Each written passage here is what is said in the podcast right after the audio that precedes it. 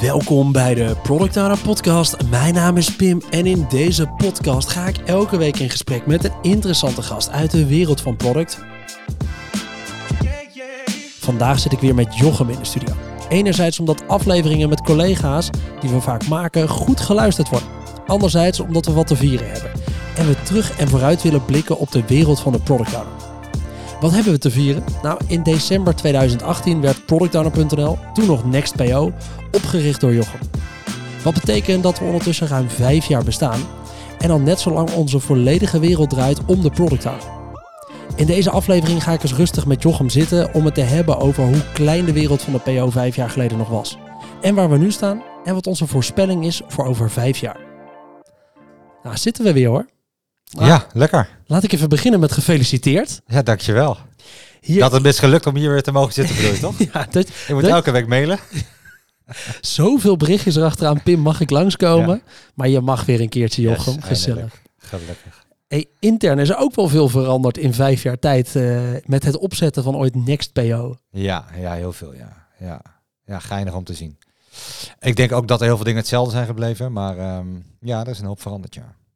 Want even in een hele snelle schets, eh, vijf jaar geleden, hoe was de PO toen in Nederland? Eh, ja, de PO-markt was eigenlijk non-existent. Eh, dus er waren er wel een stuk of 5000 in Nederland. Ehm, althans, dat is een beetje een inschatting. Want kijk, nu kan je met één knop in LinkedIn Sales Navi kijken hoeveel mensen zichzelf product owner noemen. Dat was vijf jaar geleden was dat echt niet zo. Dus we denken dat het toen 5000 waren. Ja, dat, dat, dat, dat was zo versnipperd. Kijk, en nu heb je 20 marktpartijen. En Maar toen waren het er twee. Ja, Ja. drie eigenlijk. Twee en PO-based. Dus je had Xebia en ProAwareness die allebei veel trainden. Ja, en je had een community die er was. Ja. De eerste. Ja, en dat was het eigenlijk. Ja, en dat, en nu is die wereld is zo anders. Weet je, je kan als product owner nou zoveel halen.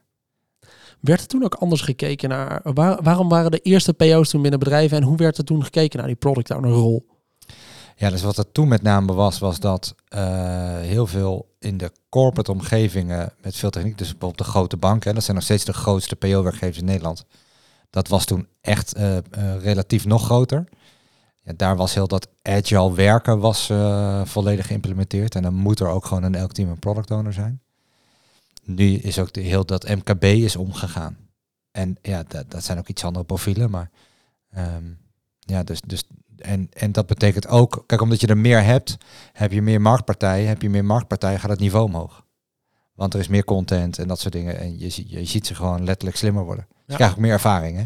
Wat is de, hoe lang is het geleden dat de eerste mensen in Nederland eh, onder de functie dan wel rol eh, product owner gingen werken? Ja, volgens mij had Scrum.org vorig jaar of twee jaar geleden het 25 jaar bestaan. Dus Ja. ik kan me ook voorstellen dat er toen echt wel iemand zo stoer was om zichzelf product owner te noemen. Product management heb je natuurlijk al heel lang, hè? Ja, precies. Nee, dat, Ehm, eh, maar product owner, dat zal dus ergens eh, 25 jaar geleden zijn. De eerste keer dat ik het hoorde, als in dat ik iemand sprak die product owner was, was in 2007.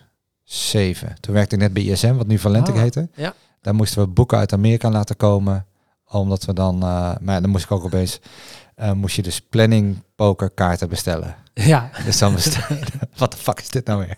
Ja, Ja. Dus dat is 2007 geweest. Dus dat is 16 jaar geleden. ja, dus het wordt al 16 jaar uitgelegd waarom we in godsnaam planning poker doen. Ja, Ja, en dat werd toen bij ons geïntroduceerd door Jurgen Appelo. Dat is nu zo'n hele mooie groot spreker, leuke vent ook.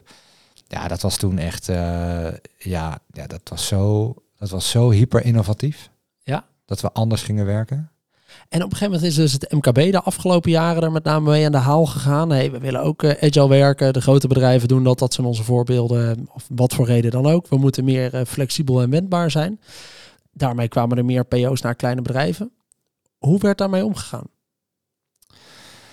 Ja, dat, dat verschilt natuurlijk per organisatie. Eh, wat we in ieder geval, wat mijn afdronk is van de laatste vijf jaar, is dat met name de maturity in de lager boven, dus leidinggevenden van product owners, die weten heel vaak nog niet zo goed wat ze ermee aan moeten.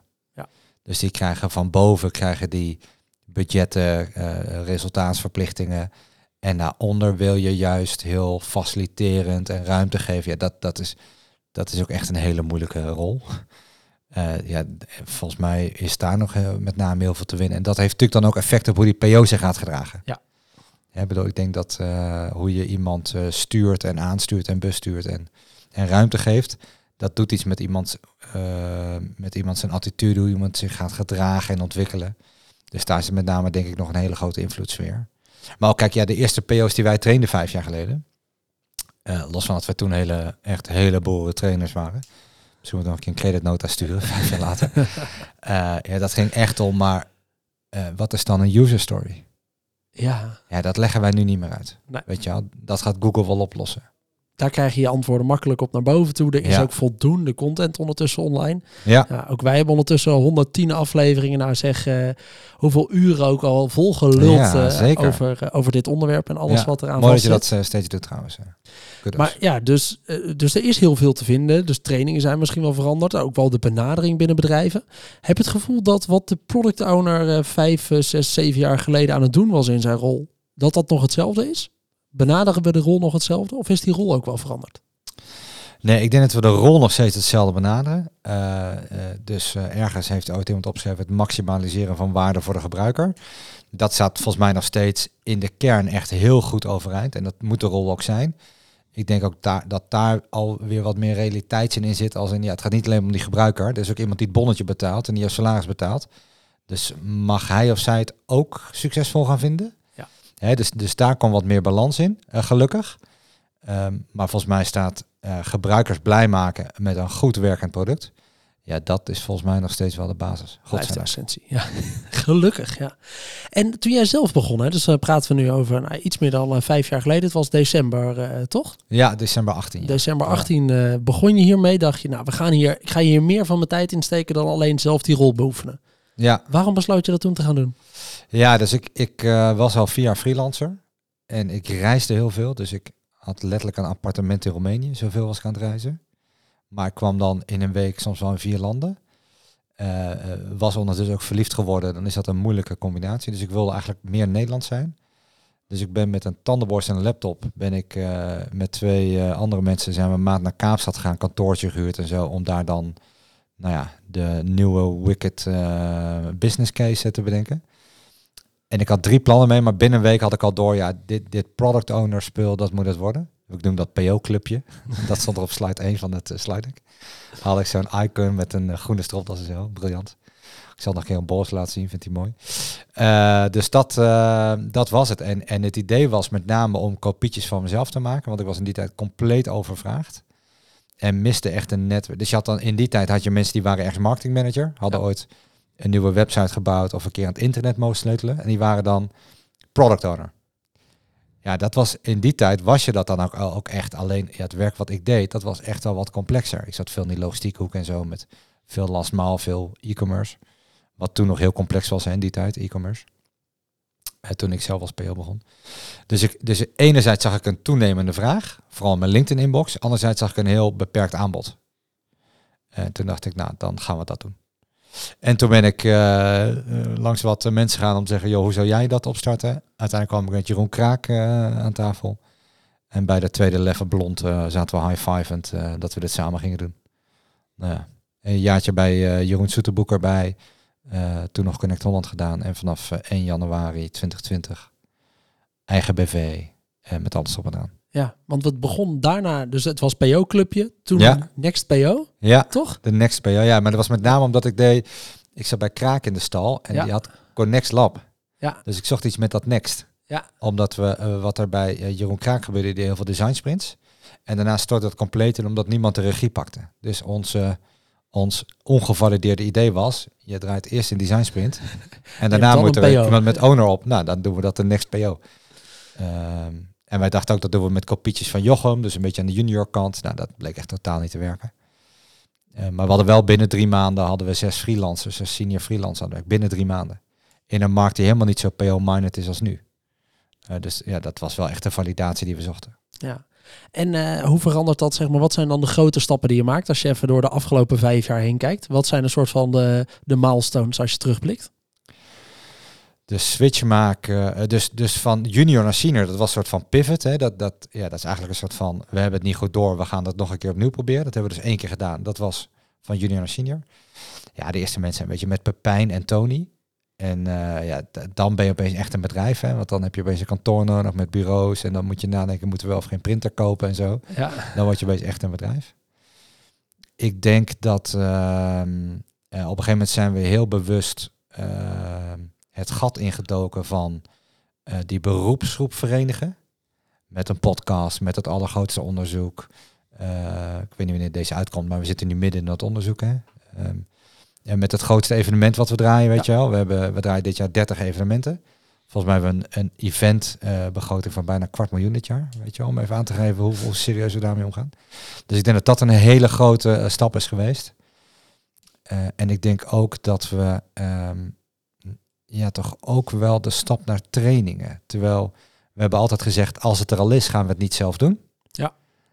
Alleen ja, we zien wel hoeveel mensen we echt met een glimlach die ruimte uit zien komen, weet je. Daar, daar ga ik wel echt op aan. Ik vind dat, dat geeft ons eigenlijk veel meer bestaansrecht dan eh, of we nou van 12 naar 20 interimmers gaan. Nee, het feit dat we echt product owners die worstelen met hoe ze in godsnaam eh, ding A of uh, probleem B oplossen. Die met een die soort van met hun schouders 5 centimeter lager dat hok bij ons uitkomen. Omdat ze doorhebben wat er moet gebeuren. Ja, dat, dat, dat is zo waardevol, weet je. Dat, dat moeten we volgens mij nooit verliezen. Juist. Ah, dat zijn allemaal wel, ja, wel grote stappen geweest. Vanaf uh, inderdaad uh, in je eentje ergens anders op een kantoor. Naar eerste kantoortje zelf. Naar, uh, nou, dat groeide een beetje. Toen zat je dus inderdaad de eerste twee mensen erbij. Nu zijn we ondertussen met een goede twintig man. Ja. Ja. Oh. Ja, en het grappige is dat het verschil tussen 12 en 20 mensen is voor mij niet zo heel groot. Want ze zijn allemaal net, ik bedoel, het zijn ook jouw collega's, maar ik vind ze allemaal net zo leuk en net zo goed. Uh, het is met name dat we, kijk, nu willen we dit jaar willen we richting serieuze volumes zetten. We bijna gaan verdubbelen dit jaar. Ja, dan gaat iets gebeuren met bedrijf. Dan zie ik dat Rutger aan boord komt vast en zo. En dan gebeuren weer dingen in de structuur. Dus ik denk uiteindelijk dat als je het over het jaar vraagt, dat ik zou zeggen, het installeren van Rutger als chef interim. Ja, dat, dat gaat, dat over een jaar gaan we terugblikken en zeggen, ja, dat was weer een serieuze stap. Ah, dat is wel mooi. Hoe is die voor jou, uh, voor jezelf veranderd? Want inderdaad, het bedrijf, ja, een paar kopietjes van Jochem. We gaan een paar juniors uh, aannemen. Ja. Die kunnen we waarschijnlijk een beetje opleiden. Die gaan we gewoon wegzetten bij uh, klanten. Oké, okay, dat werkt niet ideaal. We kunnen daar beter mensen neerzetten die juist al veel ervaring hebben in verschillende keukens. Het werkt er totaal niet. niet ideaal, zegt het understatement van de maat. Nee, het werkt totaal niet.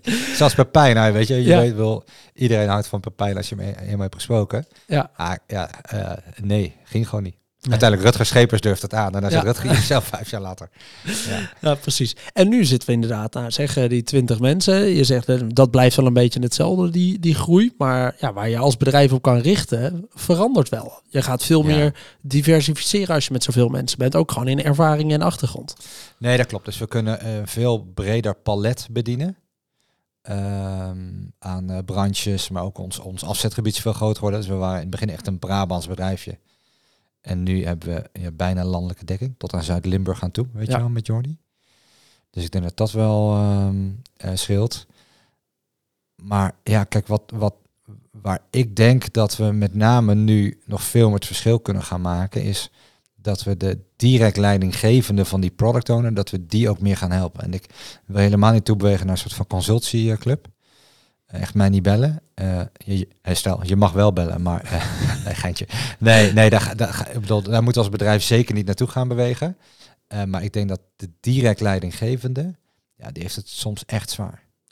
En we zijn nu weer bezig met zo'n onderzoek. Hè, dus daarmee kun je heel goed zien hoe de wereld van de PO er een beetje uitziet. Ja. Je zegt nou een paar keer, ja, die leidinggevende van PO's, dat is iets waar nou, nog veel te winnen met name is. Hoe ziet de wereld van de product owner zelf eruit in vergelijking tot een paar jaar geleden? Ja, die PO heeft veel meer, die kan veel meer halen. En dat is wel lekker. Want dus die product owner 1 hoeft veel minder vaak intern uit te leggen waar hij of zij eigenlijk van is. Ja. Dus dat is veel overzichtelijker. De, de term uh, is veel. Uh, bedoel, kijk, als je googelt wat doet een product owner, dan geeft Google ons antwoord. Hè. Dus wij zien ook hoe vaak dat nog steeds wordt gegoogeld en zo. Ja dat gebeurt steeds minder dan een paar jaar geleden. Uh, terwijl we wel, uh, we, zien een, we zien een ruime verdubbeling van de PO's. Dus we kunnen concluderen dat dat, dat, dat dat beroep steeds minder onbekend is. Ja. Dat is één. Twee, er is zoveel content nu beschikbaar. Nou, weet je, jij 120 afleveringen. Of uh, 120 toch? Wat zijn het? Ja, het, volgens mij is het aflevering 113 of zo. 113. Afrond 120. Ja, precies.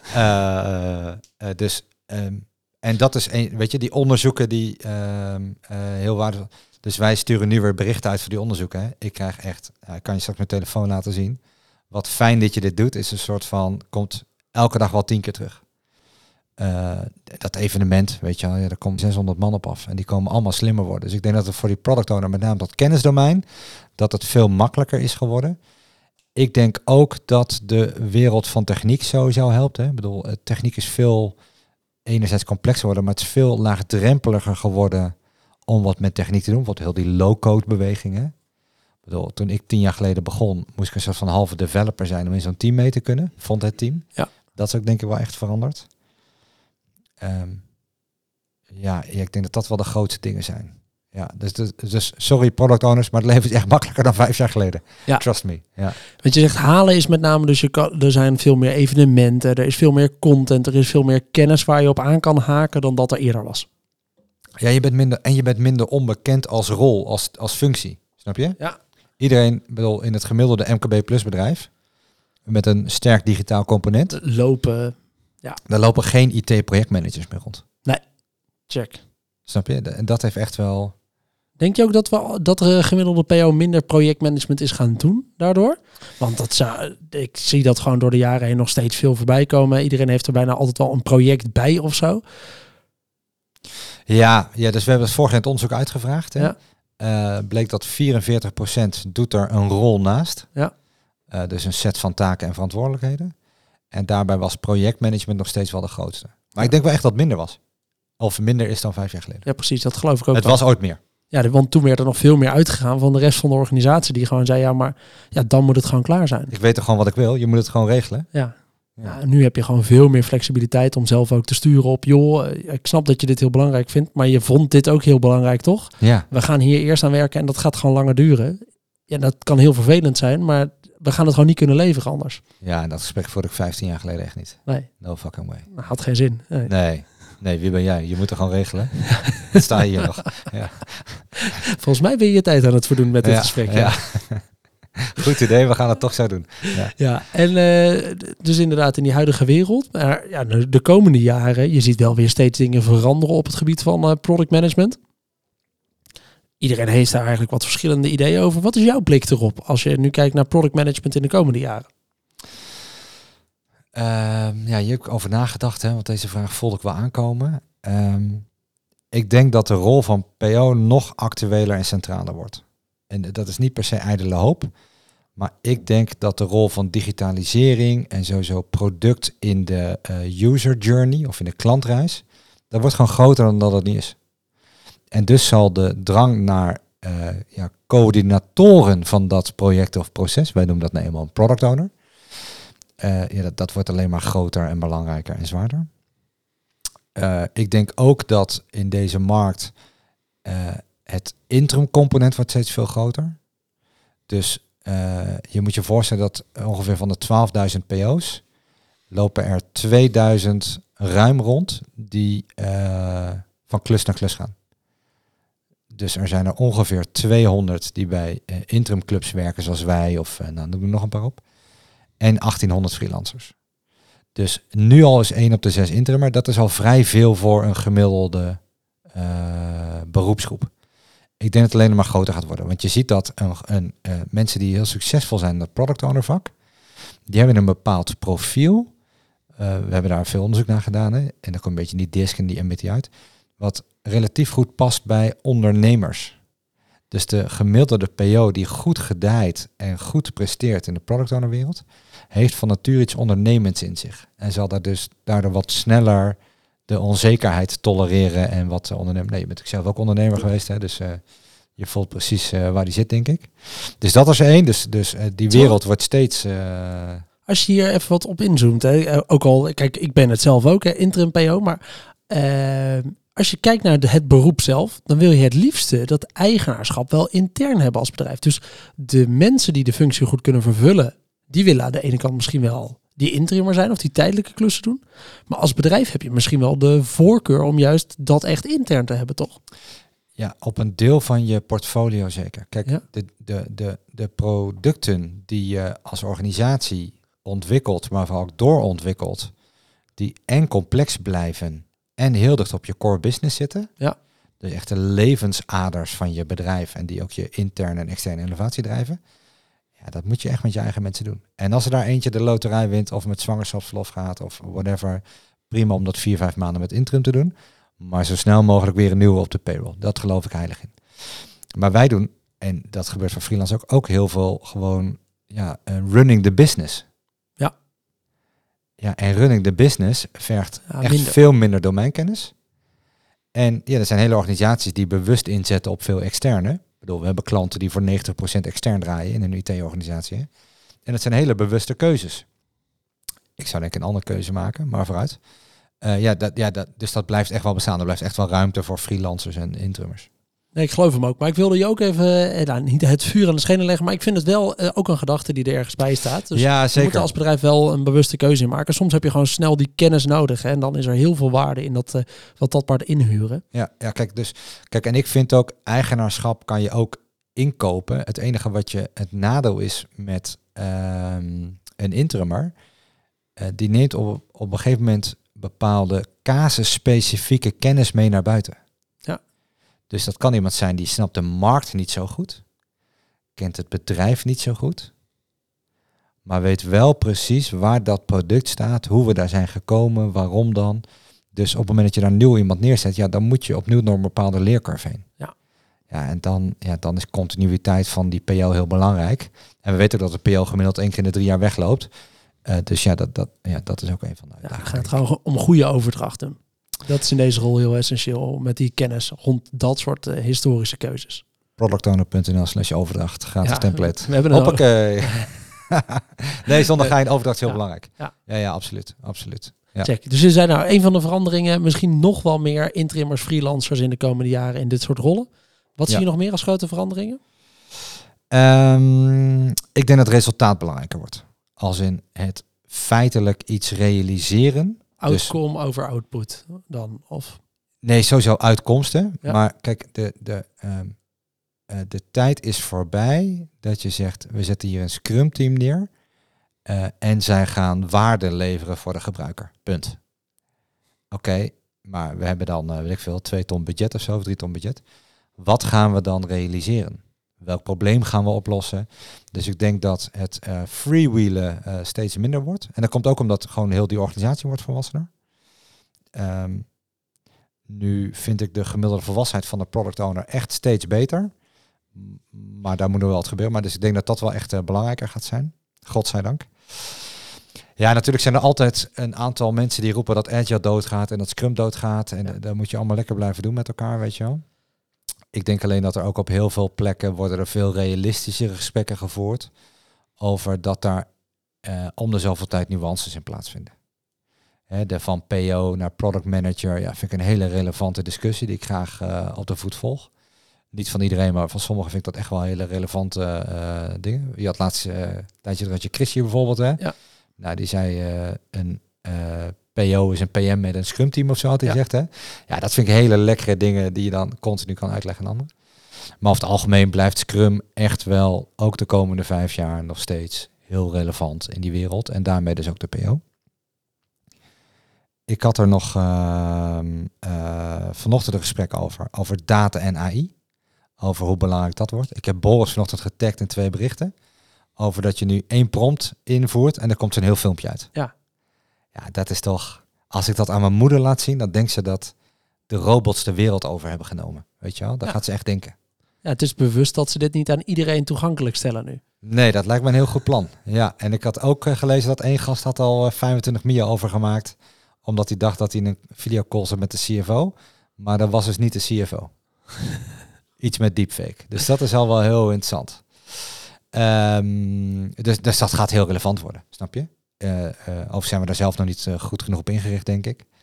Dus ik hoop dat Rutger mee luistert. Maar ehm, daar moeten we echt meer mee doen. En data wordt ook heel belangrijk. We zien nu dat al eh 28% van de vacatures heeft een datacomponent in zich voor de product owner. Ah, Dat was vijf jaar geleden nul, hè?